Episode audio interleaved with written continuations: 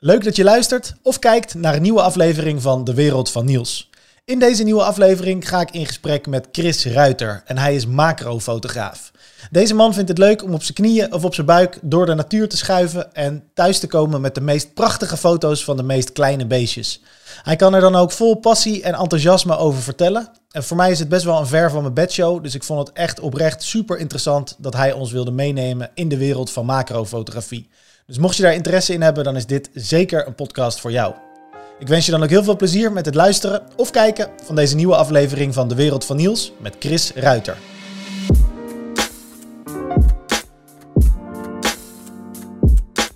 Hey, welkom jongen in de podcast. Ja, dankjewel. Leuk dat je er bent. Ja, zeker. Wat vind je van mijn, eh, wat vind je van mijn nieuwe kast? Ja, ik zat net al te kijken naar, eh, naar de Rico en de Pentax. En eh, ik, ik vroeg me af of je er nog wat mee deed. Of dat je ze alleen mooi tentoonstelt. Eh, en, die, eh, die zwarte Rico, die gebruik ik. Daar is ook een video te vinden op mijn Engelstalige YouTube kanaal. ja. Maar dat dingetje wat daar hangt, zeg maar, die, eh, die heb ik net vandaag afgemaakt. Zelf gemaakt, van een pallet en eh, een paar buisjes van staal, zelf gelast. En eh Oké, ledstripje erin verwerkt. Ik vond het zelf wel vet. netjes. Ja, Hij hangt nog niet op zijn definitieve plek, maar eh, je wou hem even snel ophangen voor mij. eh. voor de mensen die kijken op, eh, op YouTube en zo, die, eh, die kunnen, eh, kunnen hem vast bewonderen. Ja, ja. Zo kleed je zo'n ruimte steeds meer, een beetje meer aan en dan wordt het allemaal een beetje, krijgt het eh, een beetje karakter, hè, als het goed is. Moet het een beetje eigen, hè? Je moet het eigen maken. Precies. Zo'n stekkie. Ja, Ja. klopt. Een beetje herkenbaar en, eh, en gezellig. Ja, Ja. Dus hier moet straks ook nog wat komen. En ik ben nog niet helemaal tevreden over die planken en dit ding en zo. Maar goed, dat eh, stapje voor stapje, toch? De- de- de- je, je eigen stekkie is altijd dynamisch, hè? Die, daar blijf je altijd mee bezig. En eh dat is altijd leuk om dat te blijven ontwikkelen. En, Ja. af en Precies. toe eens wat schuiven. Echt, hè? Ja. Hey, voor de mensen die jou eh, niet kennen, wat, eh, wat, wat kan je over jezelf vertellen? Wat kan ik over mezelf vertellen? Nou ja, ik ben eh, Chris Ruiter. Ik woon, ik woon in Arnhem. En ehm, daar woon ik samen met mijn vrouw Ankie en mijn drie kinderen. En ehm, ja, ik, ik fotografeer al zo'n tien jaar wat intensiever de natuur eigenlijk. In de breedste zin van het woord. En de laatste, nou zes, zeven jaar denk ik, ben ik echt toe gaan spitsen op macrofotografie in de natuur. Dus eh, echt eh, insecten, bloemen. Ehm, en zoals dat gaat met een fotograaf, dat zullen veel fotograaf, fotografen wel herkennen. Ja. Ehm, je spitst je steeds meer toe op één onderwerp. En bij mij is dat, ehm, eh, zijn dat libellen, juffers, vlinders geworden. Waar ik nu eigenlijk het meeste, ja, het meeste mee doe. Het meeste fotografeer, het meeste naar op zoek ben. Eh, projectjes mee verzin, eh, dingen mee wil doen. Dus eh, ja, dat is wat ik doe. En ehm, ja, ik, ik, ik probeer mijn enthousiasme te delen op, op de socials, op Facebook, Instagram. Ehm, en ehm, ja, ik heb daar, ik heb daar heel, eh, ik heb daar verder niet echt een doel mee. Het is meer het enthousiasme wat ik heb over wat ik doe. En dat wil ik graag delen. En ja, als je dat leuk vindt om te bekijken en om te volgen, ja, dan moet je dat doen. ja, En ja, dat is, eh, dat is wat ik doe. leuk man. Ja. Hey, hoe ben jij eh, met fotografie in aanraking gekomen? Hoe is dat zo gegroeid? Dat is een beetje gegroeid ehm, eigenlijk toen wij in 2010 een reis maakten naar eh, Canada, West-Canada. En ehm, daar ging ik met mijn vrouw naartoe. En eh we hadden een, eh, een compactcamera mee, een superzoom. eh dus die kon eh supergoed inzoomen en ook heel, heel wijd. Een, een Panasonic was dat geloof ik. En die was voor naar werk en dat was eigenlijk het enige toestel dat we mee hadden. Het was ook nog niet echt de tijd van mobieltjes met goede camera's. Dus nou ja, goed, we hadden in ieder geval een, een, een fototoestel mee. En ehm, ja, ik was wel eens in Frankrijk geweest, in Italië. Maar op het moment dat je dan in West-Canada komt...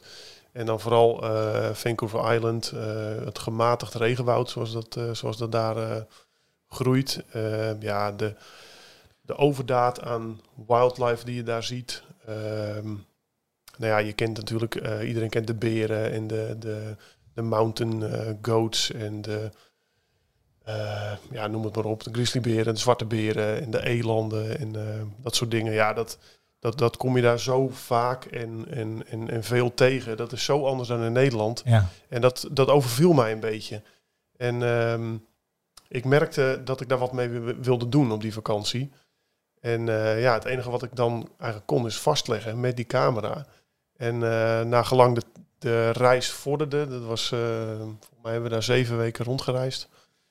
Um, ja, begon ik dat wel echt heel erg leuk te vinden. En merkte ik ook aan mezelf dat we af en toe op zoek gingen naar dat soort dingen. Ja, dat je het echt wil documenteren.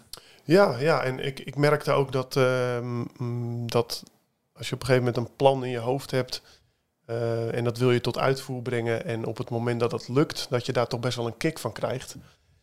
En um, ja, dat vond ik echt heel gaaf. En uh, de, de, echte, de echte omslag toen ik echt om was, dat was uh, toen wij een, een wandeling gingen maken in een, in een bergachtig gebied. En um, ja, we waren echt op vakantie, zeven weken. Je hebt alle tijd. Uh, dus je begint vroeg, je hebt de hele dag. Um, en we zagen daar uh, tussen de rotsen zagen we wat, uh, wat, wat, diertjes heen en weer schieten. En gelukkig houdt mijn vrouw ook erg van de natuur. Dus we kwamen er al snel achter dat dat, dat, dat pika's waren. Ja. Hele schuwe, kleine, een beetje konijnachtige knaagdiertjes. En um, dus ik had mezelf ten doel gesteld om die op de foto te zetten. Ja, dat viel niet mee, want je ziet ze, je ziet ze 100 meter ver, uh, zie je ze tussen de rotsen heen en weer schieten. Dus we zijn daar gewoon gaan zitten op een rots. En uh, ik denk na een uur, anderhalf uur, kwam er zo'n pika echt super dichtbij. Met zijn bekje vol met hooi. En uh, daar kon ik twee foto's van maken. En toen was hij ook weer weg. Maar die foto's waren gelukt. Ja, dat was zo'n kick, jongen. Ik stond gewoon te stuiteren. Ja. En achteraf dan zit je s'avonds in de camper en dan denk je van wat was er, wat, wat was daar nou zo gaaf aan, aan dat moment? En ja, ja dat is toch echt gewoon uh, de natuurbeleving, uh, het zitten wachten, uh, de spanning die opbouwt en, en, en, en het moment dat het dan lukt, ja, dat is gewoon een kick. Ja. En dat is eigenlijk wat ik nog steeds wel telkens zoek in mijn fotografie. Um, je hebt van tevoren een soort van plannetje. Ik ga er ook wel eens op uit zonder plan, want dat is ook heerlijk. En uh, gewoon kijken wat je tegenkomt. Maar af en toe heb ik ook echt een plan. Dat ik denk van ja, dit, dit ga ik zoeken. Dit wil ik fotograferen op die en die manier. Ja. En um, ja, de ene keer lukt dat wel en de andere keer lukt het niet. Maar als het wel lukt, ja, dat is zo ontzettend gaaf. Cool. Dus uh, ja, ja, ja. mooi. Hey, wat, uh, wat is uh, macrofotografie? Macrofotografie is in feite fotografie waarbij je uh, een vergroting van één op één hebt. Dus uh, het, het, onderwerp komt levensgroot op je sensor terecht. En uh, dat kan niet elke lens. Daar heb je een speciale macro lens voor nodig. Um, een lens die, die echt tot één op één kan vergroten. dat is echt een macrofotografie. maar wat je vaak ziet als, als zijnde macrofotografie, en dat is ook vaak wat ik doe, is eigenlijk close-up fotografie. En dat is um, ja, libellenfotografie probeer dat maar eens macro te doen en dat je de libel beeldvullend op je sensor krijgt. Ja, dat lukt niet. Dus dat is eigenlijk meer close-up fotografie. Ja. En uh, zeker als je hem dan uh, uh, mooi in beeld wil brengen met een mooie compositie en misschien nog de omgeving erbij wil betrekken, ja, dan kom je eigenlijk niet aan macro. Maar dat wordt ja, in de volksmond wel allemaal onder macrofotografie geschaard eigenlijk. Ja. En dat is prima, want iedereen weet wat daarmee bedoeld Ja, wordt. precies. ja. Dus, ja, dus dat, uh, dat is wat ik het meeste doe eigenlijk. En ja. uh, sinds kort heb ik ook uh, beschikking over een mooie telelens. En daar probeer ik ook wat, nou, wat mee uit in close-up fotografie. Oké, okay. een 70-200 of zo? Of, een 150-450 oh, ja. van, van Pentax. Ja, ja. Dan een flink kanon is dat, toch? Dat is een enorm apparaat, ja. ook loeizwaar. Ja. En hij, is, hij is eigenlijk zo zwaar dat ik elke keer als ik het veld in ga, denk ik van ja doe ik dat ding wel op mijn rug of neem ik hem niet mee of Ja. neem ik hem wel mee. En uiteindelijk gaat hij toch eigenlijk altijd wel mee. Ja. Ehm, omdat je voor eh, vliegende insecten overdag, want eh, ja, ik heb ook een baan ernaast en ik heb drie kinderen. Dus eh, Ja. je, je kunt niet altijd 's ochtends vroeg eruit wanneer de beestjes slapen. Dus ik zoek het ook steeds vaker op, eh, op momenten dat ik gewoon tijd heb. En dat is vaak overdag en dan zijn ze actief. En ehm, nou ja, na zes, zeven jaar sluipen en kruipen en, eh, en doen ben ik inmiddels wel heel bedreven in het tot dichtbij benaderen van insecten, dat ze me niet opmerken. Ja. Ehm, maar die telelens, ja, die helpt daar wel enorm bij natuurlijk. Ja. Eh, in plaats van eh 100 mm dat je ineens 450 mm tot je beschikking hebt, ja, dan hoef je ineens niet zo dichtbij te komen. Nee. En ehm, zeker met de wat grotere insecten als libellen en, eh, en wat grotere vlinders, ja, dan is dat eigenlijk close-up genoeg. Daar eh, probeer ik tegenwoordig ook wat mee te stoeien. Ja, lachen. Dat is, eh, dat is leuk. Ja. Ja, dat biedt weer hele nieuwe, nieuwe perspectieven en nieuwe manieren om, eh, om diezelfde dieren eigenlijk te fotograferen. Acht jij jezelf echt een, als, hè, zie jij jezelf echt als macrofotograaf? Of ben je ook wel natuurfotograaf? Ja, ze, ze noemen me vaak macrofotograaf. Ja. En dat is ook wel hetgeen dat ik het liefste doe, zeg maar. Ik, Ja. kan, ik kan ontzettend blij worden van eh, twee uur in het bos liggen bij één paddenstoeltje. En eh, gewoon maar prikken op de vierkante millimeter. Vind ik echt heerlijk. Ja. Ehm, maar ja, ik vind eigenlijk alles in de natuur vind ik wel mooi. Dus als ik, een, eh, als ik ergens loop en ik kom een, een, een ree tegen of een hert, ja, dan, dan zal ik niet nalaten om die te fotograferen op een mooie manier. Kan je met een macro lens ook goede foto's maken van reeën en eh, gewoon portretten bijvoorbeeld en eh, dat ja, soort dingen? por- portretten sowieso natuurlijk, Ja. want je hebt eh, elke, nou ja, de, de, de normale macro lens die is eigenlijk vaak ook lichtsterk, minimaal Ja. 2.8, diafragma 2.8. Dus ja, daar kan je eigenlijk hele mooie portretten mee maken. Ja. En ja, kijk voor reeën en, de- en dat Even grotere, iets meer de mic voor je. Ja. reeën en dat grotere wild, dat ehm, ja, daar hoef je niet zo dichtbij te komen. Daar is 100 mm ook wel vaak genoeg.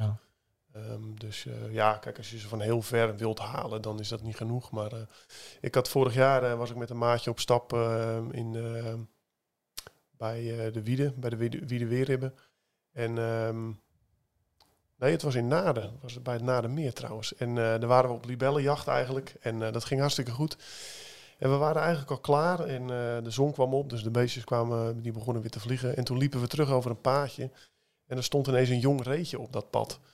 En eh dat was een heel nieuwsgierig reetje en hij kwam eigenlijk steeds dichterbij. Tot op een punt dat we eigenlijk allebei zoiets hadden van, nou, eigenlijk kan je dat prima fotograferen met een macrolens. Dus Ja. eh, dat hebben we ook beide gedaan. En eh, er zat nog wat leuk ochtendlicht bij. En dus ja, dat was wel leuk. Ja. mooi. Maar dan ja. loop je dan tegenaan, daar ben ik niet naar op zoek. Dus als je vraagt van ja, ben je een echte macrofotograaf? Ja, ik ga wel echt op zoek naar dat macro gebeuren. Ja. Ja. Ja, ja. Kan je ons eens meenemen in, eh, in hoe dat nou gaat? Stel je voor, je, eh, je hebt morgen heb je de hele dag vrij. Mhm. Je kan doen wat je wil. Ja. En, ehm, en, je kan ook, hè, de, en, en je kan ook de situatie creëren hoe die voor jou het beste is. Neem ons eens mee in dat proces. Hoe laat gaat je wekker bijvoorbeeld? Nou ja, wat ik, wat ik voorheen deed was eigenlijk wel inderdaad de wekker heel vroeg zetten. En eh, vroeger uit en voor zonsopkomst eh, al in het veld zijn en zo. Alleen dat doe ik tegenwoordig eigenlijk niet zo heel vaak meer. Dus ik denk dat ik dat dan morgen niet zou doen. Ehm, ik denk dat ik een beetje uit zou slapen. En eh, ik denk toch ook wel dat ik de kinderen zou helpen opstaan en dat die naar school zijn. Ja. Ehm, en ik denk dat ik dan... Maar je mag, je, je mag- dat allemaal loslaten en het alleen even over het fotografie hebben. Want ik ben even benieuwd naar hè, hoe, ziet, hoe ziet dan het fotografie-aspect eh, er, eruit? Ja, oké, oké. Ehm, ja, ik denk toch niet dat ik er heel vroeg op uit zou gaan. Nee. Want dat heb ik heel veel gedaan. Ja. En ehm, nou ja, niet om oneerbiedig te klinken, maar dat kunstje ken ik wel. Ja. Ehm, ik weet hoe je een eh bedauwde libel op de foto moet zetten met mooie kringeltjes en mooie bokeh-cirkels. En eh, dat, dat, ja, dat kunstje, dat ken ik en dat eh, heb ik veel gedaan. Hartstikke leuk. Maar dat zoek ik nu niet echt meer. Dus ik, ik ben toch op zoek naar, nu ben ik op zoek naar andere dingen. Ehm, ik probeer eh, gebiedjes in de omgeving te ontdekken, te leren kennen. Ehm, ik ga er vaker heen. Dus ehm, zodat ik weet wat ik in een gebiedje kan verwachten. Zodat ik weet wat er rondfladdert en waar het rondfladdert. Waar ik het moet zoeken en waar ik het vooral ook niet moet zoeken. Dus ik denk, ik denk toch dat ik dan gewoon lekker na de koffie op pad zou gaan. Ja. En eh, met een volle fototas, eh, drie volle accu's, twee, twee lege kaartjes. En wat zit er verder in die, in die fototas? Daar zit in eh, sowieso eh, mijn, eh, mijn mijn 100 mm macro lens, de automatische lens, de, de, de Pentax eh, 100 mm. Ja, die heb je hier ook bij, hè? Die heb ik hier bij me Ja. inderdaad. Ja, dat is echt, dat is echt mijn maatje. En ehm, sinds ik deze in combinatie met, met de Pentax K1 heb, ben ik ook echt anders gaan fotograferen. Omdat ik voorheen schoot ik mijn macrobeelden met een handmatige lens. En was ik eigenlijk altijd aan het instellen, de sluitertijd, de diafragma en dat proberen op elkaar af te stemmen. Ehm, maar bij deze camera is de lichtgevoeligheid dus zo goed dat, je, dat ik eigenlijk de, de ISO-waarde kan ik op automatisch zetten. Ja. Ehm, en waar Pentax een beetje uniek is, in is, is dat ze een eh, gecombineerde TAV-stand hebben. Dus je kunt ehm, kunt je diafragma als voorkeuze instellen en je sluitertijd als voorkeuze instellen. Ja. En de camera die bepaalt zelf de ISO. Ja. En voorheen fotografeerde ik niet zo op die manier. Had ik altijd mijn statief mee. Moest ik altijd die ISO proberen laag te houden om ruis te voorkomen. En Ja. was ik eigenlijk altijd eh, naar dat compromis op zoek, zeg maar. Beetje aan het vechten tegen je, tegen je beperkingen qua... Ja, altijd, altijd aan het klooien met die belichtingsdriehoek. Hè. Dat is Ja. het compromis waar je altijd, eh, altijd het beste uit wil halen. Dus ehm, in die tas zit die, eh, die, die macrolens. Ehm, daar zit ook in eh, de 150 450. Die gaat eigenlijk ook altijd standaard mee, ook al Ja. is het een zwaalel. Ja, Ehm, als ik er echt een dag op uitga, dan gaat ook mijn statief mee. Want je weet maar nooit. ja, Ehm, en verder gaat er tegenwoordig eigenlijk niet zo heel veel mee. Op, eh, op vroege ochtenden had ik dan wel eens een, eh, een, heel oud lensje mee, een 50 mm 1.8, een oude Pentacon om ja. gekke zeepbubbeltjes te kunnen maken of zo. En, maar die heb je eigenlijk eh, overdag heb je dat eigenlijk niet nodig, omdat je ja, die lichtomstandigheden zijn er niet. En ehm, En verder, qua, qua eh, kleding, eh, uitrusting, heb je Ja, kaplaars aan, bergschoenen aan? Nee, of, kleding ben ik altijd heel, eigenlijk heel slecht in. Ik ben eigenlijk te, een beetje te, te, te schooierig om daar echt heel veel geld aan uit te geven. Ik zou het wel moeten doen. Maar eh, ik heb een hele, ja, een, een, een, één broek, die heb ik altijd aan het fotograferen. Ja, En eh nou ja, na gelang het weer heb ik gewoon mijn laarzen aan. Of, eh, of goede waterdichte bergschoenen.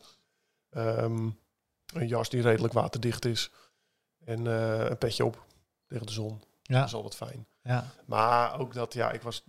Nou ja, nee, we hebben het nu over die dag dat ik erop uit zou Ja, gaan. ja, ja. Dus ehm, ik zou dan naar een gebiedje in de buurt gaan... waar ik de laatste tijd wat vaker heen ga. Eh, om dat gebiedje beter te leren kennen. Ehm, om gevoel te krijgen wanneer ik daar heen moet. Wanneer ik kan zijn, wanneer het nut heeft. Hoe de zon staat, hoe het licht staat. eh, waar ik iets vinden kan. Dat op het moment... ehm, dat je denkt van nou, nu heb ik tijd, nu is het licht mooi.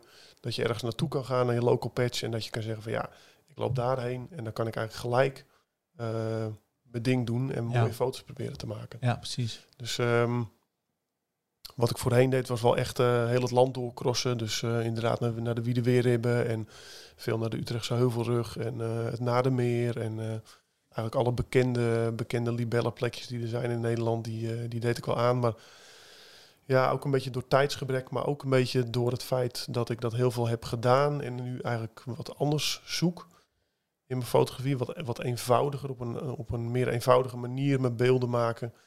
Eh, waarbij ik toch die voldoening wel heb van, eh, van het fotograferen.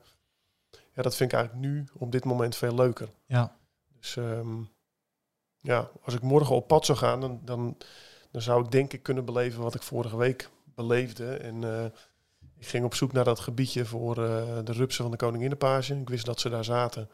En ehm, ik had een dagje vrij, een middagje vrij eigenlijk. Dus ik ging kijken of ik er nog meer kon vinden. Nou, die kon ik niet vinden. En op het moment dat ik daar kwam, ehm, zag ik ook op buienraad dat het de enige bui in Nederland dat die naar mij toe kwam. Echt Ja. een heel klein vlotje. Dus in eerste instantie baalde ik, want ik liep daar in mijn korte broek en mijn sneakers en mijn t-shirtje. Ehm, maar toen herinnerde me, ik me ineens van de week daarvoor dat ik daar een bruine glazenmaker had zien vliegen. Een, eh, een libel. Voor mij een beetje de mooiste libel van het, eh, nou ja, die in Nederland voorkomt. ja, Eh, een grote, grote glazenmaker met, eh, met bronskleurige vleugels en prachtig beest. Alleen het gedoe met glazenmakers is dat ze eigenlijk de hele dag vliegen. Ehm, ze gaan niet zitten, ze eten in de lucht ehm, en ze gaan s'avonds laat zoeken ze een boom op vijf meter hoog en daar gaan ze inhangen, onbereikbaar. ja, Maar goed, ik wist op het moment dat het gaat regenen, dan vliegen de libellen niet. Dus ik ga snel naar dat plekje waar die bruine glazenmaker zat, van dat wist ik van de week daarvoor. maar die blijven ook echt een beetje hangen in een... Die blijven, die hebben echt al hun eigen territorium Oh, ja. en, eh, en eh, daar, eh, daar vliegen ze rond. Ja, En ehm, nou ja, ik zag hem dus ook weer vliegen, dus ik heb hem op een afstandje gevolgd en op een gegeven moment zag ik hem ergens landen. Nou ja, toen, toen begon het echt los te barsten. Dus, maar goed, ik ben, hem, ik ben hem voorzichtig op gaan zoeken. Ik had ook alleen mijn, mijn macrolens bij me. En nou ja, nat geregeld tot op mijn onderbroek ja, de libel ook, maar wel super gave foto's kunnen maken. En eh, ja, gewoon kicken. Dat, dat, ja, je, je bent er niet echt naar op zoek, maar je, je, je dwingt het wel af op de een of andere manier, omdat je daar toch bent op dat Ja. moment. En ehm, ja, het overkomt je, maar je weet het wel weer om te draaien naar iets, eh, iets positiefs en een mooie ervaring. En wat zijn dan Dus, de, de perfecte weersomstandigheden? Want je hebt het nu dan over regen, waarin je dan een libelle eh, niet vliegend tre- kan treffen. Ja. Maar heb je, heb je zoiets van, nou ja, voor mijn fotografie zijn bepaalde weersomstandigheden wel optimaal? Nou, niet echt. Je kunt eigenlijk met elk weer, eh, en dat is een beetje een standaard zinnetje, maar het, het is ook echt waar. Ehm, je kunt met elk weer kun je wel mooie foto's maken. Je kunt alleen met elk weertype kun je andere foto's maken. Ja, En ehm, ja, je, ja, het is maar net eh, eh, waar je mee te maken hebt. En, eh, en daar probeer ik eigenlijk het beste uit te maken. Ehm, ik kijk natuurlijk wel van tevoren of het een beetje een mooie dag wordt. Of, en ehm, ze, ze zeggen altijd dat je eigenlijk nooit moet fo- fotograferen met keihard zonlicht. Maar er zijn gerust wel trucjes waarop je wel kunt fotograferen met keihard zonlicht overdag. Of je kan dat juist gebruiken om, om de foto te maken die je in je hoofd hebt zitten.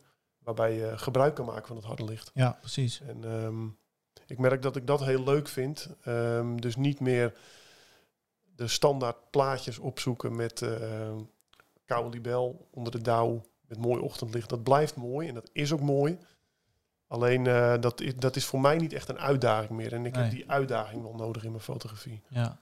Ja. Over die uitdaging gesproken, heb je dan ook een, een, een fotografie bucketlist, zeg maar? Als het gaat dan om bepaalde insecten of bepaalde libelles die je nog eh, op je to-shoot lijst hebt? Die is eigenlijk heel kort. Want dat, Oh heb- ja? dat, ja, dat, en dat heeft een beetje mee te maken dat ik, eh, dat ik eigenlijk alles wel mooi vind Ja. eh, in de natuur. En ik, ik zoek hem even op, want ik heb hem wel degelijk. Want ik kan me dat wel voorstellen als je daar zo in. weet je waar het me een beetje aan doet denken? Aan misschien voor jouw tijd, maar aan Pokémon. Gotta catch 'em all. Dat was zeg maar. Hè, Ja. dan heb je al die verschillende. De, ja, ik weet het ook niet meer precies hoe dat zat, ja, maar ja, eh, je moest ze dan vangen of zo. En ik kan me wel voorstellen dat dat dus ook dat dat dus in ma- macrofotografie ook een heel leuk aspect wordt. Van oh, ik zou ook wel een keer eh, de blauw glan- glanzende eh, zeebaarskikker willen fotograferen. ja. Of libellen dan in jouw geval. Nou, dat, dat is wel een dingetje. Ehm, maar ik ben niet zozeer een soortjesfotograaf. En die, die zijn er wel, die zijn er Ja. wel degelijk hoor. En ik heb... eh, inmiddels ken ik er ook wel een paar, ook via de socials natuurlijk. Ja. En, eh, het is ontzettend leuk om daarmee te praten. Ook over eh, libellen, over vlinders. Want zij weten nog veel meer van dat soort, dat soort dingen.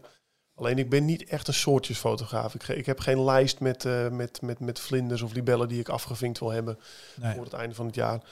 En toevallig eh, heb ik de afgelopen twee jaar denk ik wel wat dingen af kunnen strepen van mijn lijst. Ik heb hem er hierbij. Ehm, ik begin even met de dingen die ik afgelopen jaar, anderhalf jaar af kunnen strepen. Dat is de, de schorpioen. Ja. Die heb je niet Oh, in joh. Nederland natuurlijk, Nee, maar die heb ik in, eh, in Zuid-Italië heb ik die gevonden. Ehm, ik ging daarheen met wat, eh, wat vrienden van Instagram. Dat doen we eigenlijk elk jaar. Dat is super tof. Eh, gaan we naar een locatie in Europa en eh, daar gaan we een paar dagen fotograferen met z'n allen. En ehm, het is heerlijk om met een paar mensen te zijn die eigenlijk net zo gek zijn van fotografie en van kleine Ja. beestjes. Dat je hier, ja, het is echt thuiskomen. Ja, leuk. Dus dat is super tof. En eh, ik wist dat de schorpioen daarvoor kwam, dus ik heb eh, van tevoren een beetje onderzoek gedaan naar waar je ze dan kunt vinden. En ehm één avond gezocht, niks gevonden. En de dag daarop eh, ben ik weer gaan zoeken op het terrein zelf. En ik zag wat stenen liggen en ik wist dat ze vaak onder stenen zitten. Dus. En een keer wat stenen om en daar zit de schorpioen. Ja, super kicken natuurlijk Cool, als je ja. die vindt. Ja, En eh, het mooie van die schorpioenen is dat als je s'avonds terug gaat met een UV-lampje, dan, nou, dan lichten ze Ja. helemaal blauw op, net als een smurf. Dus, eh, dus die heb ik wel dik eh, af kunnen strepen. Dat was echt geweldig. ja, Ehm, en ik had een uil op mijn lijst staan, gewoon een uil. ja. Maakte maar eigenlijk, nou, wat ik zeg, ik ben niet zo'n soortjesfotograaf, dus. Maar een uil is voor mij altijd een beetje een, eh, een soort mythisch wezen geweest. Ik weet dat ze bestaan. ja. Ik zie er ook foto's van voorbij komen. En ik heb ze vroeger wel zien vliegen, want je hoort ze niet vliegen, maar je ziet ze alleen vliegen. ja. Alleen eh, op de een of andere manier kom ik ze nooit en kwam ik ze Nee, nooit tegen. nee, nu je dat zegt, ik heb er no- ook nog nooit eens zien vliegen volgens mij. Althans Nee. niet bewust. hè? Nee. Dus, ehm, maar ja, ook weer via Facebook, via Instagram kom je dan toch weer met mensen in contact. En die nodig je dan een keer uit van, joh, ik weet een paar randzeilen te zitten, ga je mee? Ja, Ja, super tof. ja, Natuurlijk ga ik mee, staat op mijn lijst. Dus eh, daar ben ik ook een paar keer geweest. En daarna ook een, uh, een bosuil. En recentelijk nog een kerkuil bij een vriend van me in een, in een kapschuur kunnen fotograferen. Ja. Nog niet helemaal naar tevredenheid. Maar dat, goed, ik, daar zitten elk jaar kerkuilen. Dus dan kom ik wel een keer naar ja, terug. Grappig, ja. En de adder heb ik ook af kunnen vinken. Want dat was vorig voorjaar.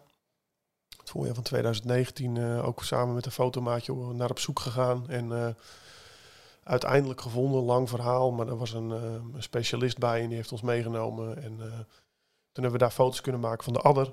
En um, daar stond ik zondag mee in de finale van de Gelderse natuurfotowedstrijd. Ja, niet voorbij zien komen. Ja, ja, Niet gewonnen helaas, maar goed, dat, dat geeft niet. Het was een leuke dag en dat je door bent in die finale is altijd leuk. Ja, dus, cool.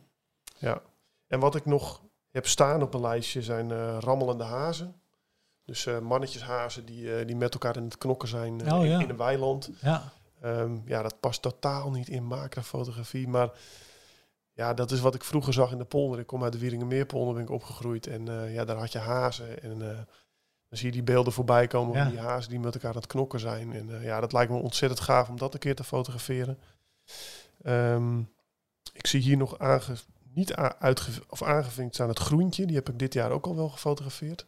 Dus een, klein, een... een... klein vlindertje. Ja, ja, sorry, je moet me echt een beetje ja, helpen, want ik ben, niet, uh, ik ben er niet heel erg in thuis. Uh. Het groentje is een, uh, een beetje een bruin blauwtje. Dus om het makkelijk te maken. nee, dat is een... een, een, een hij behoort tot de blauwtjes, maar hij is een prachtige tint groen. Een vlinder. Een vlindertje, ja, ja klein ja. vlindertje. En um, ja, die komen eigenlijk niet door het hele land door. En toevallig waren we op vakantie in het oosten van het land. En en uh, daar zaten ze, daar kwamen we ze tegen. En uh, bij het huisje heb ik ze gewoon prachtig kunnen fotograferen. Ook met een, met een ultra macro lens. Een lens van, van Laowa die tot vijf keer kan vergroten. Um, heb ik eigenlijk een, een, super close-up kunnen maken van de schubbetjes. Van, want een, een vlinder is een schubvleugelige. En als je genoeg inzoomt op de vleugel, ja. dan zie je ook echt daadwerkelijk echt die, dat er schubjes op ja, zitten. Die dakpannetjes. Ja, dakpannetjes. Dus die, die kan ik, ik zal hem bij deze afvinken. Cool. En dan nog een hele vreemde uh, trekwormen. dat is ook iets van, van mijn ouderlijk huis. We hebben daar een, een pad van rode mijnsteen. Dat ja. kent iedereen wel, denk ik. En daar, zitten, daar zitten bepaalde wormen in het pad. En die elke nacht verzamelen die steentjes en daar leggen ze hun een holletje mee dicht, eigenlijk. Dus elke ochtend als mijn vader en mijn moeder wakker worden, dan zien ze hun uh, pad door de tuin. Dat is helemaal gevuld met allemaal heuveltjes van steentjes. Ja. En dat doen dus uh, die trekwormen. En ik denk niet dat ik daar een foto van kan maken. Uh, dus dat zal een soort van project worden. waarbij ik s'nachts een soort van timelapse camera neer zal zetten. Of ja. ik, ik, ik, ik, heb het nog niet uitgedacht, maar ik weet dat ik daar iets mee wil. Ja. Zeg maar. En um, dat is ook wel iets wat ik steeds vaker doe. echt projectjes, zeg maar. Ja, ja, daar wil ik het zo meteen ook zeker nog, ja, nog met ja. je over hebben. Ik heb wel nog een vraagje daarvoor, voordat we het over je projecten gaan hebben. En dat is, um, uh, um, waar komt dit vandaan? Wa waarom uh, die passie voor kleine diertjes en om die vast te leggen? Ja, um, nou, ik, ik, ik, denk dat ik het wel een beetje kan verklaren. en dat is eigenlijk omdat ik na die reis naar Canada kwamen we thuis. En uh, gelijk een spiegelreflex. Nee, niet gelijk een spiegelreflex. Gelijk wel een betere camera gekocht.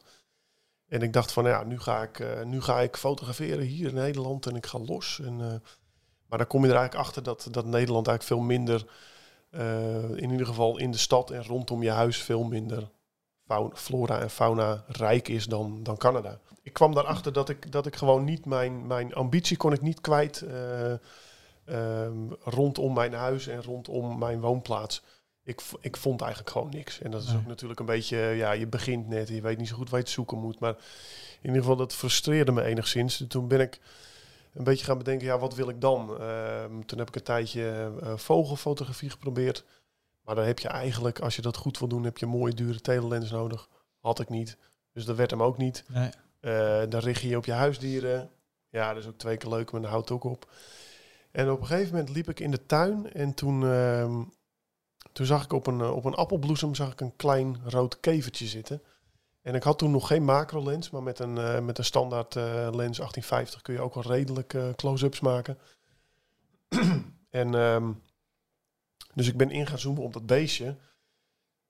En doordat je in gaat zoomen, ehm, krijg je een hele mooie scherpte diepte ineens, omdat je dichter op je onderwerp komt. Ja. En je krijgt iets in beeld wat je eigenlijk met een normaal menselijk oog niet zo heel goed kunt zien.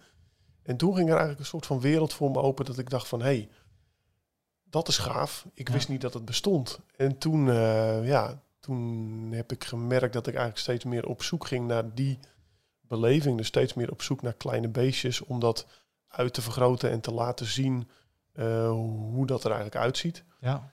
En ehm, toen ben ik in eerste instantie echt eh, een beetje insectenportretfotografie gaan doen. Dus het, alleen het kopje erop en zo scherp mogelijk en een zo groot mogelijke scherptediepte van voor tot achter.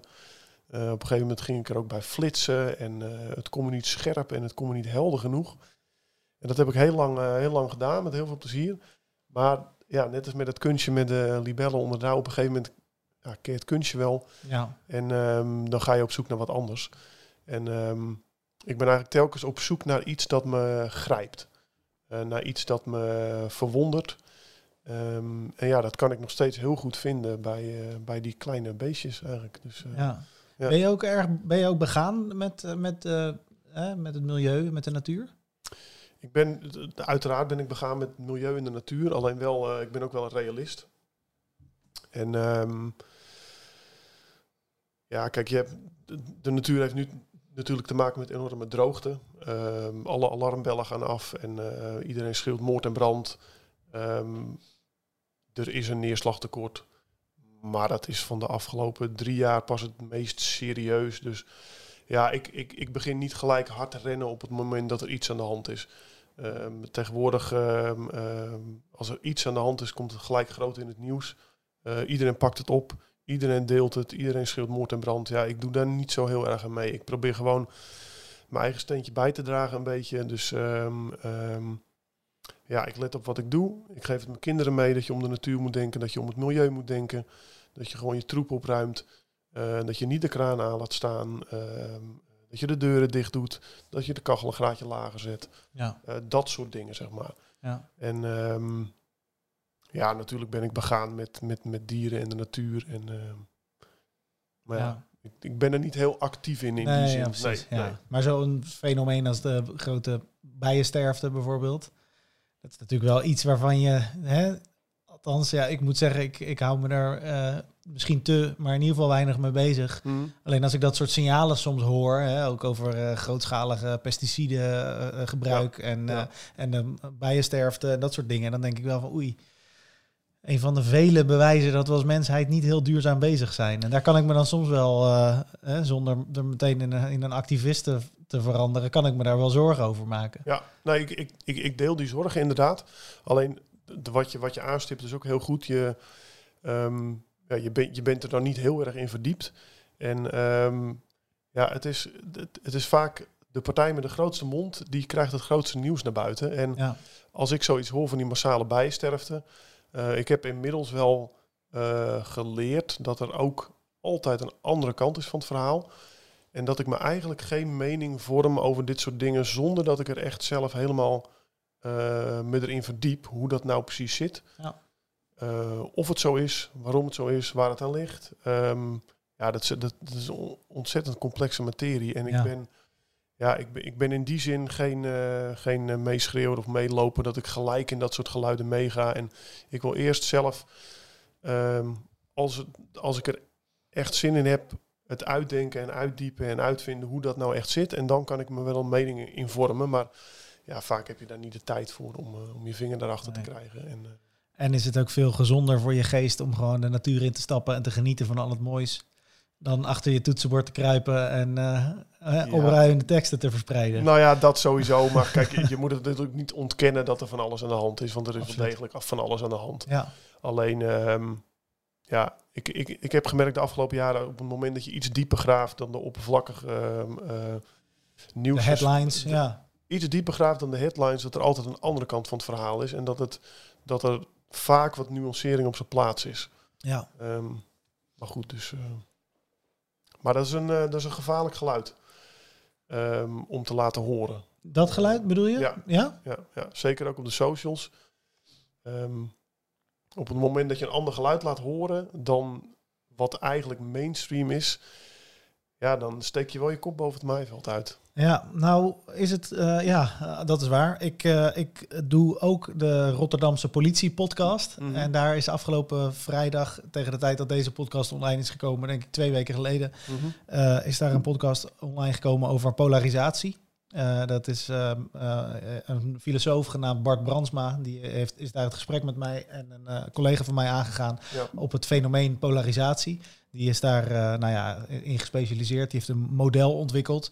En dat model is eigenlijk toepasbaar op, op alle onderwerpen. Ja. Of het nou is eh, polarisatie tussen eh, Pentax versus eh, Fujifilm of Sony of weet ik het wat. Mhm, mhm. Of polarisatie tussen eh, nou ja, religieuze eh, of eh, eh, criminologische vraagstukken of discussies eigenlijk. Ja.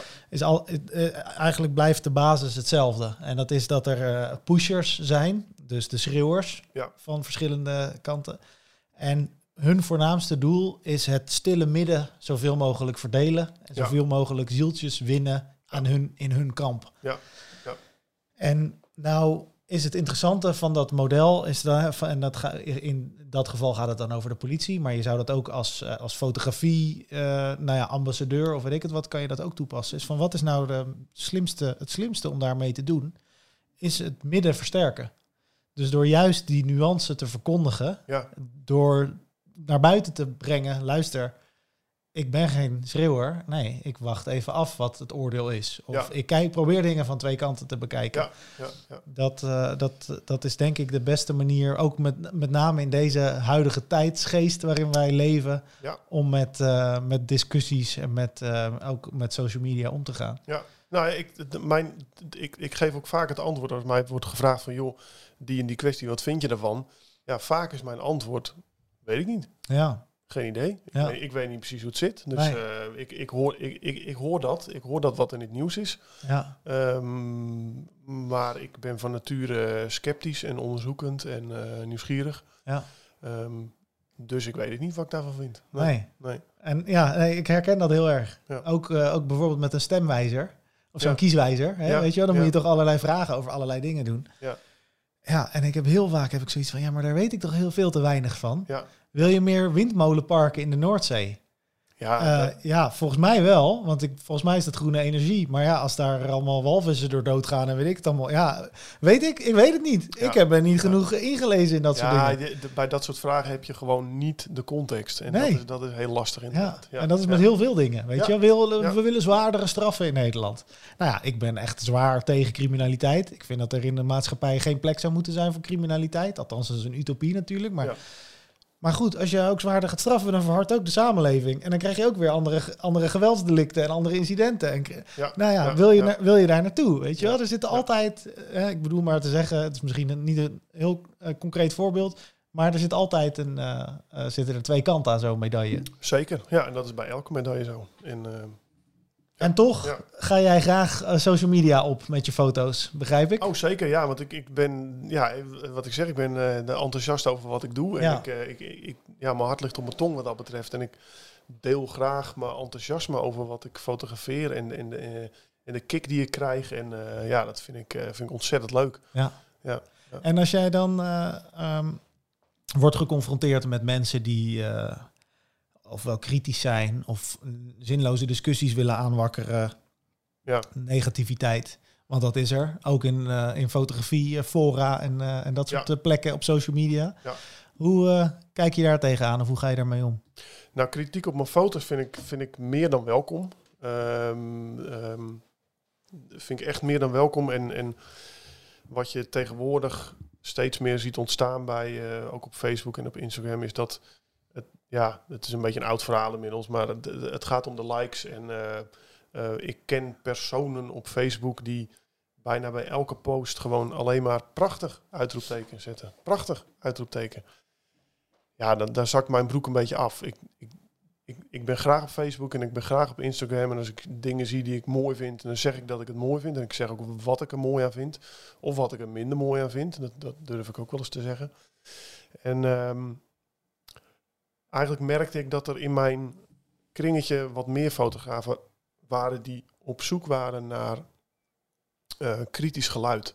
Dus weer eens even eh, je fotografie en eh, je foto's tegen iemand aan kunnen houden die daar gewoon eerlijk over is. Ja. En niet alleen maar zegt, like, fantastisch, mooi, prachtig. Ja. Nee, maar gewoon eens even goed gaat kijken naar die foto. Wat vindt u er sterk aan? Wat vindt u er niet sterk aan? En ehm, zo is eigenlijk onze fotoclub ontstaan, waarin we nu eh, met z'n, ik denk 16 of 17 man zitten. Oh joh, ja. En ehm, het is nog een, eh, het is een redelijk actieve club. Het is wel Ja. lastig, eh, omdat we eigenlijk net begonnen. eh, en toen kikte corona keihard in. ja. Hebben jullie een Ehm, naam?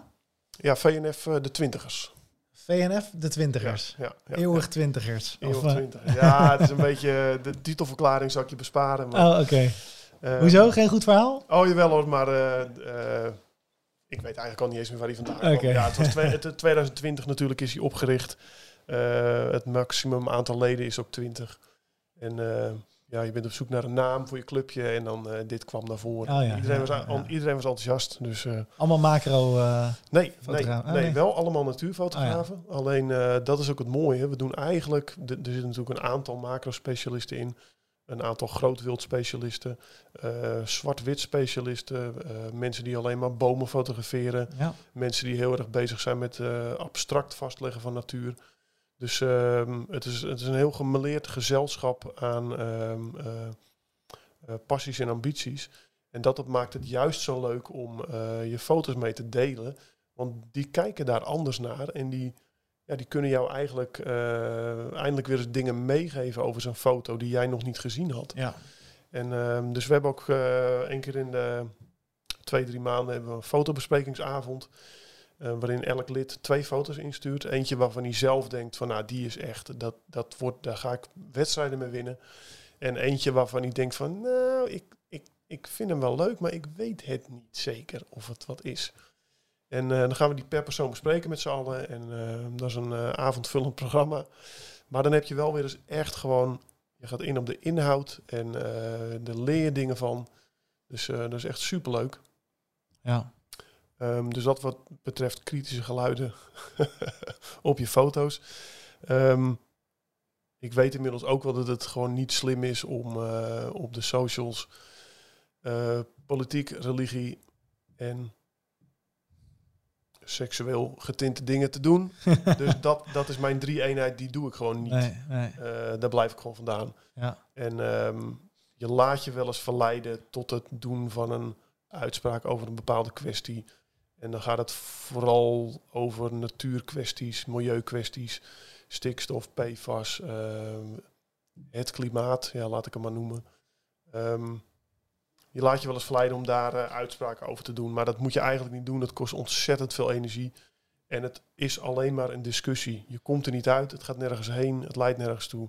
Dus je hebt er niks aan. Nee. Dus dat doe ik gewoon niet meer. Nee, en het is niet eens een, eh, een discussie. Het is ook nog eens een hele beperkte discussie. Ja. Want de, de, de vorm van communicatie op social media is gewoon, hè, je typt wat. Ja. En dan, moet, hè, dan is het overgeleverd aan de interpretatie van iemand anders. Ja, klopt. En dat, ehm, ja, dat is gewoon eh, heel problematisch dat zoveel mensen daar nu zoveel ja, waarde aan ontlenen en, en Ja. zoveel emotie in stoppen. Ja, ja. En, dat is ook een van de dingen die ik zo fascinerend vind aan bijvoorbeeld een podcast. Is hè, wanneer neem je nou de tijd? Ik bedoel, we zitten nu 44 minuten met elkaar te kletsen. Om zo geïnvesteerd over een onderwerp met elkaar te praten.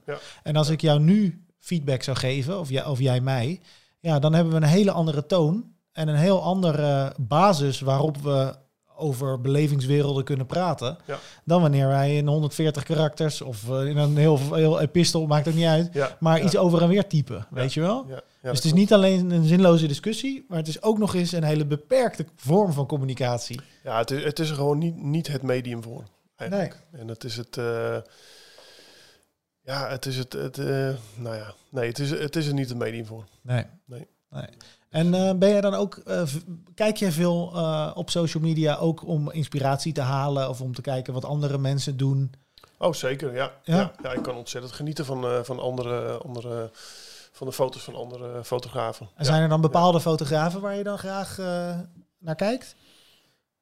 Nee, eigenlijk niet. En de vraag wordt me ook wel eens gesteld van heb je een voorbeeld of eh, ehm, een fotograaf die, je die, ja, die, je wilt worden of eh, waaraan je je wilt kunnen meten. Maar nee, die heb ik niet echt. Ik doe, eh, ik, ik ken als na- natuurfotograaf zijn, ken ik ook eigenlijk heel weinig bekende natuurfotografen.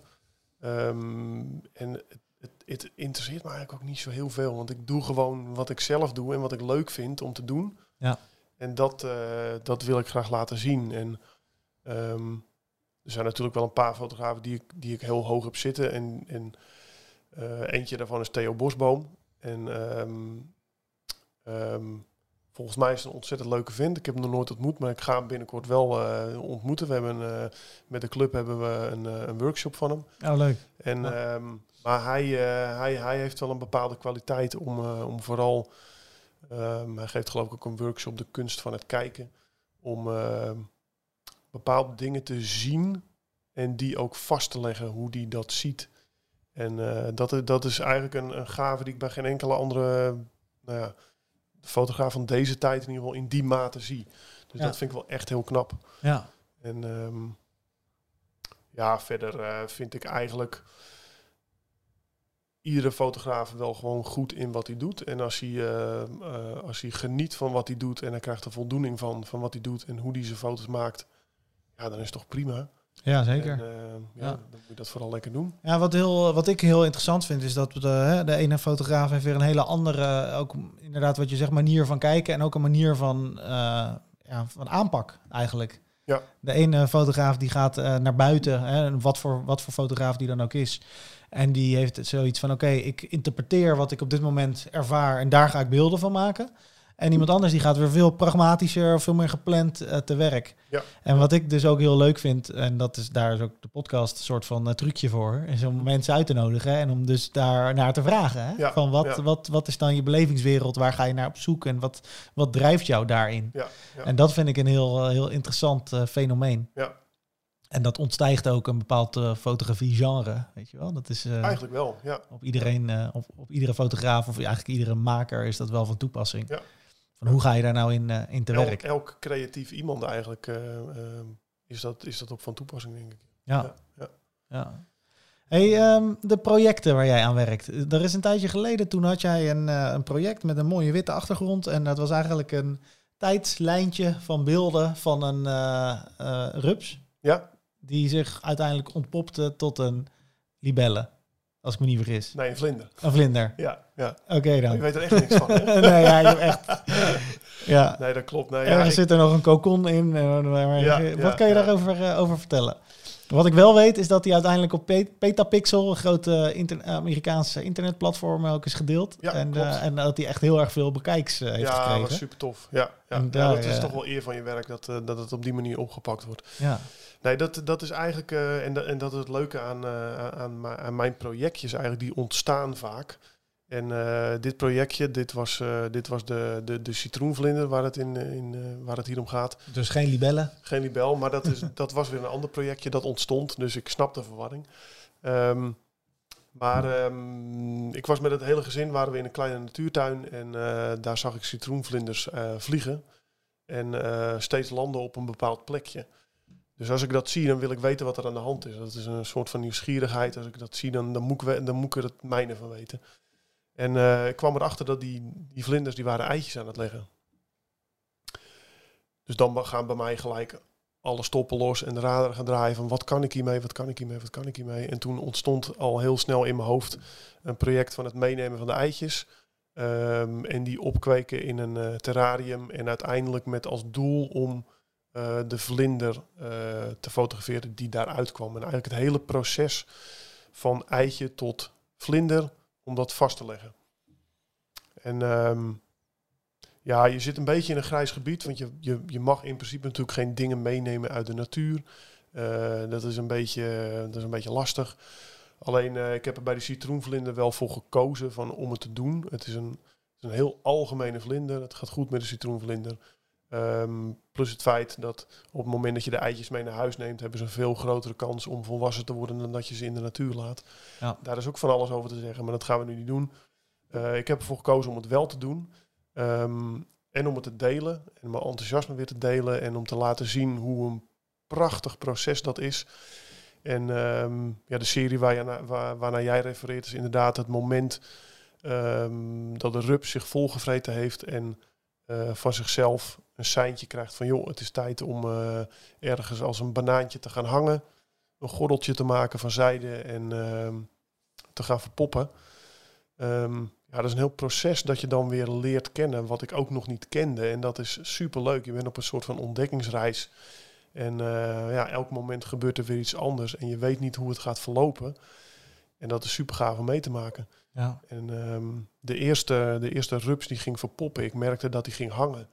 En uh, dus ik heb gelijk de hele studio ingericht en paniek en het moest nu. En uh, blijkt dat die rupsen eerst nog twee dagen gewoon hangen ja. voordat ze gaan verpoppen. dus er gebeurde nog twee dagen helemaal niks. Ja. En, uh, maar op het moment dat ze verpoppen, dan, dan scheuren ze uit hun oude rupsenhuidje en dan, dan worden ze de pop. Dat blijven ze een dag of tien. En uh, op een gegeven moment zie je door de pophuid zie je de vlinder al zitten in de, in de kokon. En um, inmiddels weet ik heel goed van een twintigtal vlinders die uitgekomen zijn. Wanneer hij eigenlijk, nou ja, tot op, ik kan het op de tot op 10 minuten zeg maar timen wanneer hij uit zijn kokon gaat kruipen. Dus uh, ook dat proces heb ik een aantal malen vastgelegd. En uh, toen ik dat had gedaan, heb ik eigenlijk alleen maar genoten van de vlinders die nog uitkwamen. En gewoon vooral gekeken, mijn kinderen erbij betrokken. Um, ik wou het ook nog op uh, de basisschool van mijn kinderen laten zien. Van joh, neem, neem gewoon een pop mee. Laat de vlinder daar ter plekke uitkomen. Alleen het is net niet gelukt. Net niet gelukt. Had ook te maken met corona, dat het een beetje lastig was en zo. Ja. Maar uh, ja, dat is een ontzettend gaaf project geweest dit voorjaar. En um, toen was ik er ook wel even klaar mee daarna eigenlijk. Toen heb ik ook een tijdje niet gefotografeerd. Eigenlijk alles even laten vallen en laten liggen. En uh, dat even op me in laten werken. Tot op een gegeven moment je merkt dat je toch wel weer de, de drive krijgt en de drang krijgt om iets te doen. Ja. En um, toen kwam er een uh, grote libellenlarve op mijn pad. En ook die heb ik, uh, ik denk een week of drie in een augurkenpotje gehad. En heb ik elke dag netjes gevoerd met uh, jonge bootsmannetjes. Um, want aan zo'n libellenlarve kun je ook zien aan bepaalde dingen dat het bijna tijd is dat hij uh, langs een stengeltje omhoog gaat kruipen en, uh, en dat de libel uit gaat sluipen. Als hij niet meer eet en hij komt af en toe met zijn kopje boven water, dan weet je dat het ongeveer tijd is dat hij uit gaat sluipen. En uh, deze, deze grote keizerlibel die besloot dat midden in de nacht te doen. Op kantoortje bij ons thuis. En zondagavond om 11 uur kroop hij ineens langs een stengeltje omhoog. Ja, dan moet het gebeuren. Dus ja. de lampen werden erbij gehaald en de studio werd ingericht. En dus die, uh, die, die is uiteindelijk... Die is midden in de nacht vastgelegd. Ja, oh, ja. Oh, ja. en uh, het laatste beeld wat je, wat je wilt vastleggen van een libel die uitsluit... is het moment dat hij zijn vleugels uitklapt. Alleen dat deed hij maar niet en dat deed hij maar niet. En toen was het twee uur s'nachts en toen vond ik het eigenlijk welletjes. Ik denk, nou, ik laat je gewoon zitten daar. Ik zet de wekker om drie uur. En dan kom ik nog een keer terug om een foto te maken. En ik kwam om drie uur terug en hij had zijn vleugels ook daadwerkelijk opengeslagen. Dus ik kon nog één foto maken. En toen ben ik gaan slapen. En uh, nou ja, die fotoserie is uiteindelijk op Petapixel oh, dat was die, gedeeld. Ja. Ja, ja. Ja, ja, Dus dat was wel de libelle? Dat was wel de libel, maar de libel kwam niet uit de rups. Oké, ja, nee, maar ik, ik had de, de, de, de, het bruggetje voor mij was de libelle met Petapixel. Dus in die zin had ik wel... Ja, okay, nee, die klopt inderdaad. Ik, ik, ik, ik, nam het mezelf wel kwalijk. Ja, dacht, nee, er zijn meerdere projectjes. Ja, uh, precies. Ja. Mooi. Oh ja. En dat was ook met een witte achtergrond? Of... Uh... Ja, dat was een beetje professorisch met uh, de wit gestukte muur. En uh, ik heb daar ook weer dingen van geleerd, wat ik de volgende keer anders moet doen. Ik kreeg de, uh, in, in de wit zat een soort roze, roze zweem toch, die ergens vandaan kwam en die kreeg ik heel slecht uit mijn foto's. Dus de volgende keer zal ik wel zorgen voor een, ja, echt een egaal witte achtergrond, zeg maar. Ja. Um, wel interessant, want je hebt dus, uh, hè, je gaat in principe de natuur in en daar uh, op je buik of op je knieën of uh, ga je, ga je hè, de, de, de dieren in hun habitat fotograferen. Ja. Maar er zijn ja. dus ook momenten dat jij eigenlijk het diertje eruit haalt en hem daar ja. gaat vastleggen. Ja, en dat, dat, dat heeft een beetje mee te maken met die, die eerste fascinatie die ik eigenlijk had met dat torretje in de tuin die ik vond op die, op die appelbloesem. Um, ik heb heel erg de... de de behoefte om het, uh, om het heel klinisch af en toe vast te leggen. Alle details vast te leggen. Uh, elk haartje scherp, elk, Eh, elk puntje van de oog eh, scherp. En dat kun, je, dat kun je prachtig doen wanneer je gecontroleerde omstandigheden hebt. Ja. Plus het feit dat ik ondertussen een halve entomoloog, bioloog ben op het op insectengebied. Ja, En dat ik het gewoon razend interessant vind om zo'n proces te volgen. Want ja, dat lukt je niet in de, in de vrije natuur om te zien hoe zo'n rups eet, wanneer hij gaat hangen, hoe hij zijn gordeltje maakt, waarin hij hangt, wanneer hij verpopt, hoe die pop verkleurt, wanneer hij precies eruit sluipt. Ja, dat is, dat is in de vrije natuur bijna niet te doen. ja. Dus eh, zeker niet in mijn leven en, eh, en de tijd die ik ervoor heb, Nee, is precies. dat niet te doen. Dus eh, Ja. Leuk, bijzonder. ja, ja. Ik kan me ook wel voorstellen, hè, want je zei het net al even op de basisschool van je kids, maar dat is natuurlijk voor kinderen ook een fascin het zijn fascinerende verhalen en eh, Ja. het komt ook eh, niet vaak voor dat je, de, dat je iemand eh, dan hebt in je omgeving die er op die manier ook beelden bij heeft en over kan vertellen, denk ik. Klopt, dus daar wil ik ook wel wat meer mee gaan doen. We zijn wel, mijn vrouw is heel erg bezig met het, met het, nou ja, met het vergroenen van de, van de basisschool van onze kinderen, zeg ik het maar. Dus ehm, die school had altijd wel een soort natuurlijke inslag en, eh, en had natuur wel hoog het vaandel staan. Ja, Alleen wij proberen daar nu nog een, eh, een, een tandje bij te zetten, zeg maar. Dus de, de Donald Duck behangetjes gaan eraf en daar komen mooie, eh, Ja, ja. mooie boslandschappen. ja, Ehm, eh, de saaie groeps dingetjes op de deuren gaan eraf. En daar komen prachtige foto's van dieren te hangen. Die school heeft eh, per groep eigenlijk een soort eh, dier. Dus groep 1 heeft een eh, vlinder, geloof ik. oh ja, leuk. En groep 8 heeft een uil. En alles wat ertussen zit. De vos, het hert, het wilde zwijn. Nou ja, daar foto's van, die, die gaan we binnenkort op de deuren plakken. Ja. Dus ehm, op die manier zijn we wel bezig met, met de Ja, natuureducatie. is mooi. en. Ja. Ja, en toevallig kwam mijn zoon die kwam vanavond naar me toe. Ik had er geen tijd voor, want ik moest naar jou toe. Maar die had het eh, in de klas gehad over zijn ontmoeting met de ringslang in, eh, in de natuurtuin waar we waren. Ja. En ook hij had mijn eh, vorige camera bij zich met een, met een goede lens. Dus hij heeft foto's kunnen maken van die ringslang. En nou ja, zijn meester zei van joh, print een foto uit en neem hem mee morgen, want dan gaan we daar even over hebben. Oh, leuk. Ja. Ja, dat is super gaaf. Dus als ik straks thuis kom, dan ga ik alsnog die foto printen voor hem. Dan kan Ja, hem morgen mee naar school. Dus jouw, eh, jouw fascinatie eh, wordt, wel, eh, wordt wel een beetje overgebracht op, op de kids. Ja, af en toe tegen wil en dank, maar ze zullen het meekrijgen. Ja, ja, ja. ja, ja, ja, ja, ja. Ah, gelukkig vinden ze het nu nog vaak heel mooi hoor en heel tof. En ja. Merk ik dat het wel goed landt. Dus, Ja, nou ja, jij doet het ook zelf ook vanuit, eh, vanuit passie natuurlijk. En Ja. dat eh, passie is heel makkelijk om, eh is bijna besmettelijk over het algemeen. ja, ja, Dan kunnen kinderen zich natuurlijk af en toe wel een beetje afzetten op enig moment. ja, Eh, ja oh, dat zal ook nog wel komen als ze wat ouder worden. denk ik dan, oh, heb je papa weer met zijn natuur. Maar ja. ik, ik denk toch dat ze, nou ja, als ze daar weer overheen groeien, dat ze later toch wel eh, nou ja, er heel veel aan hebben. En eh, de goede waarde weten te hechten aan, aan de natuur om je heen Ja. en, het, en het milieu om je heen. ja, en hopelijk leven zij straks in een wereld eh, die eh, ook nog steeds mooi is. Ja, ik denk het wel hoor. Ja hoor. Komt wel goed. Ik denk het ook wel. Hey, wat, eh, wat, gaat, wat gaat de toekomst jou brengen? Heb je bepaalde plannen, projecten, dingen waar je naartoe wil met je fotografie?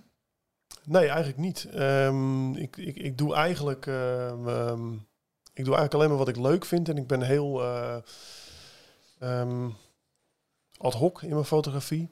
Dus ehm, ik, eh, ik maak dingen mee en eh, daaruit merk ik dat ik bepaalde dingen leuk vind en daar ga ik dan naartoe.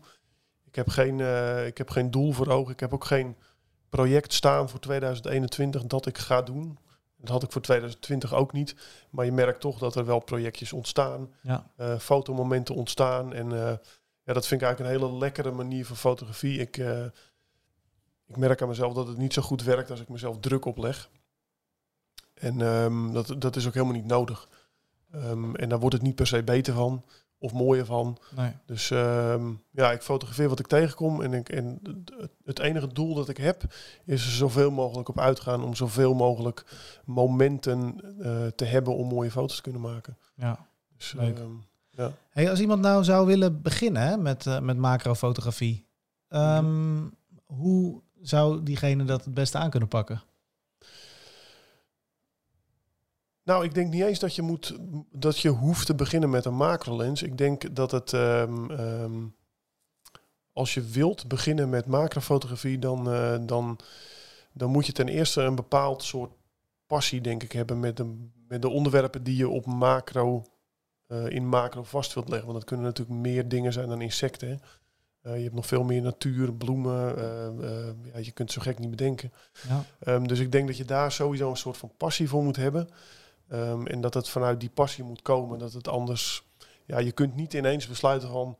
En nu ga ik macrofotografie doen, want dat moet. Nee. Nee, het moet echt het moet ontstaan. En ehm, het, moet, het moet vanuit, ja, vanuit, je drive, vanuit je eigen drive moet het ontstaan. Ehm, en ga eerst gewoon eens lekker te werk met je, met je standaard lens als je dat hebt. Ehm, je hoeft echt niet gelijk een dure macro lens aan te schaffen om eh, macro of close-up beelden te kunnen maken. Het gaat veel meer verdiep je in de techniek, eh, verdiep je in de belichtingsdriehoek, leer het toestel goed kennen, Ehm, weet wat de instellingen zijn. Kijk ook vooral naar anderen, hoe anderen het doen, eh, wat die voor beelden maken. Ga onderzoeken wat je mooi vindt, wat je leuk vindt, wat je leuk lijkt. En ehm, ja, maak vooral heel veel foto's en maak vooral heel veel fouten.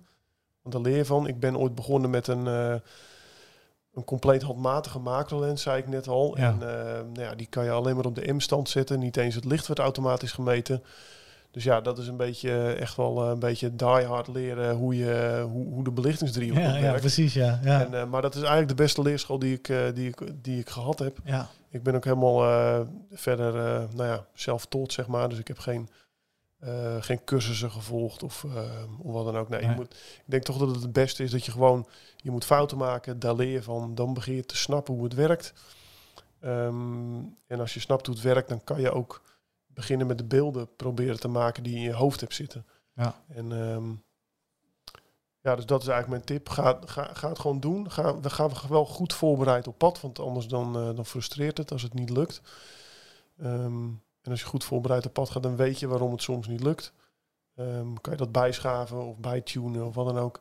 En op het moment dat je denkt van, nou, nu wil ik echt meer van mijn fotografie, nu wil ik echt uh, dat soort foto's kunnen maken, ja, dan ga dan eens nadenken over een macro lens. Ja. En, um, Waar ik wel even benieuwd naar ben, want het is voor mij hè, zowel de, de insectenwereld, maar ook de macrofotografie is best wel een ver van mijn bedshow. Uh, hoe is jouw diafragma gebruik? Heb je hem uh, vrij vaak uh, heel erg open? Of heb je, gebruik je ook wel eens een uh, F8? Of hoe, hoe zit dat in elkaar? Ja, dat ligt heel erg aan de foto die je wilt maken natuurlijk, die in je hoofd hebt zitten. Um, en ik, waar ik voorheen in mijn, in mijn vroege jaren, noem ik het zo maar even. Altijd, altijd alles open? Nee, altijd alles dicht. altijd alles dicht. Dus uh, diafragma vaak op, uh, vaak op 16 voor uh, toch maximale scherptediepte voor het kleine insectenportretje dat je okay, aan het fotograferen ja. was. Um, heb ik een aantal jaren geleden echt een omslag gemaakt naar diafragma helemaal open. Um, maar dat hing een beetje samen met het feit dat ik van, van meer één op één naar toch wat meer uh, close-up fotografie ging. Dus toch wat verder weg. En uh, op het moment dat je wat verder weg komt, uh, wordt je diafragma ook wat vergeeflijker in je scherptediepte. Dus kun je ook met je diafragma openschieten. Ja, ja precies. en juist daardoor wordt je achtergrond mooi vaag en ehm, ja, krijg je dan mooi dat verschil in uh, je onderwerp scherp en de achtergrond ja. mooi vaag. Ja, ik had juist verwacht dat je juist begint dan je diafragma helemaal open te gooien, omdat je dan het idee hebt dat je de meeste bokeh kan uh, krijgen. Nou ja, kijk, en, dat, dat, dat, dat, ligt helemaal aan, aan, aan de foto die je wil maken. Ja. En um, je krijgt natuurlijk, uh, als de zon goed staat en je fotografeert een slootje, dan kan je al de meest magische bokehbubbels tevoorschijn ja. krijgen. Um, ja, als dat je doel is van de foto, ja, dan moet je vooral je diafragma openzetten. Maar als jij een libel uh, volledig vlakvullend in beeld wilt brengen, uh, dat zul je niet redden met uh, diafragma 2.8. Dan nee. moet je toch echt naar 5, 6 of misschien nog wel hoger gaan. Ja.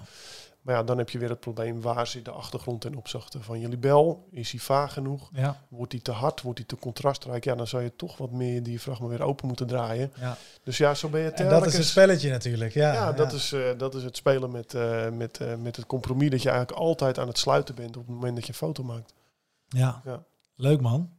Ja. En waar kunnen de mensen jouw werk vinden? Um, ik heb een website natuurlijk, chrisruiter.nl. Uh, maar die is niet zo heel actueel. Daar kun je wel uh, wat meer informatie over me vinden en, uh, en zeker ook wat beelden zien. Um, op Facebook ben ik heel actueel bezig. Dus zoek op Chris Ruiter en, en, je vindt me wel. en ook op Instagram ben ik best wel actief. Chris, Chris Ruiter aan elkaar. niet te missen. Nee. En ehm, dus eh, eigenlijk op de socials ben ik wel het meest actueel bezig. En eh, mijn website ehm, schrijf ik wel eh, eh, blogs.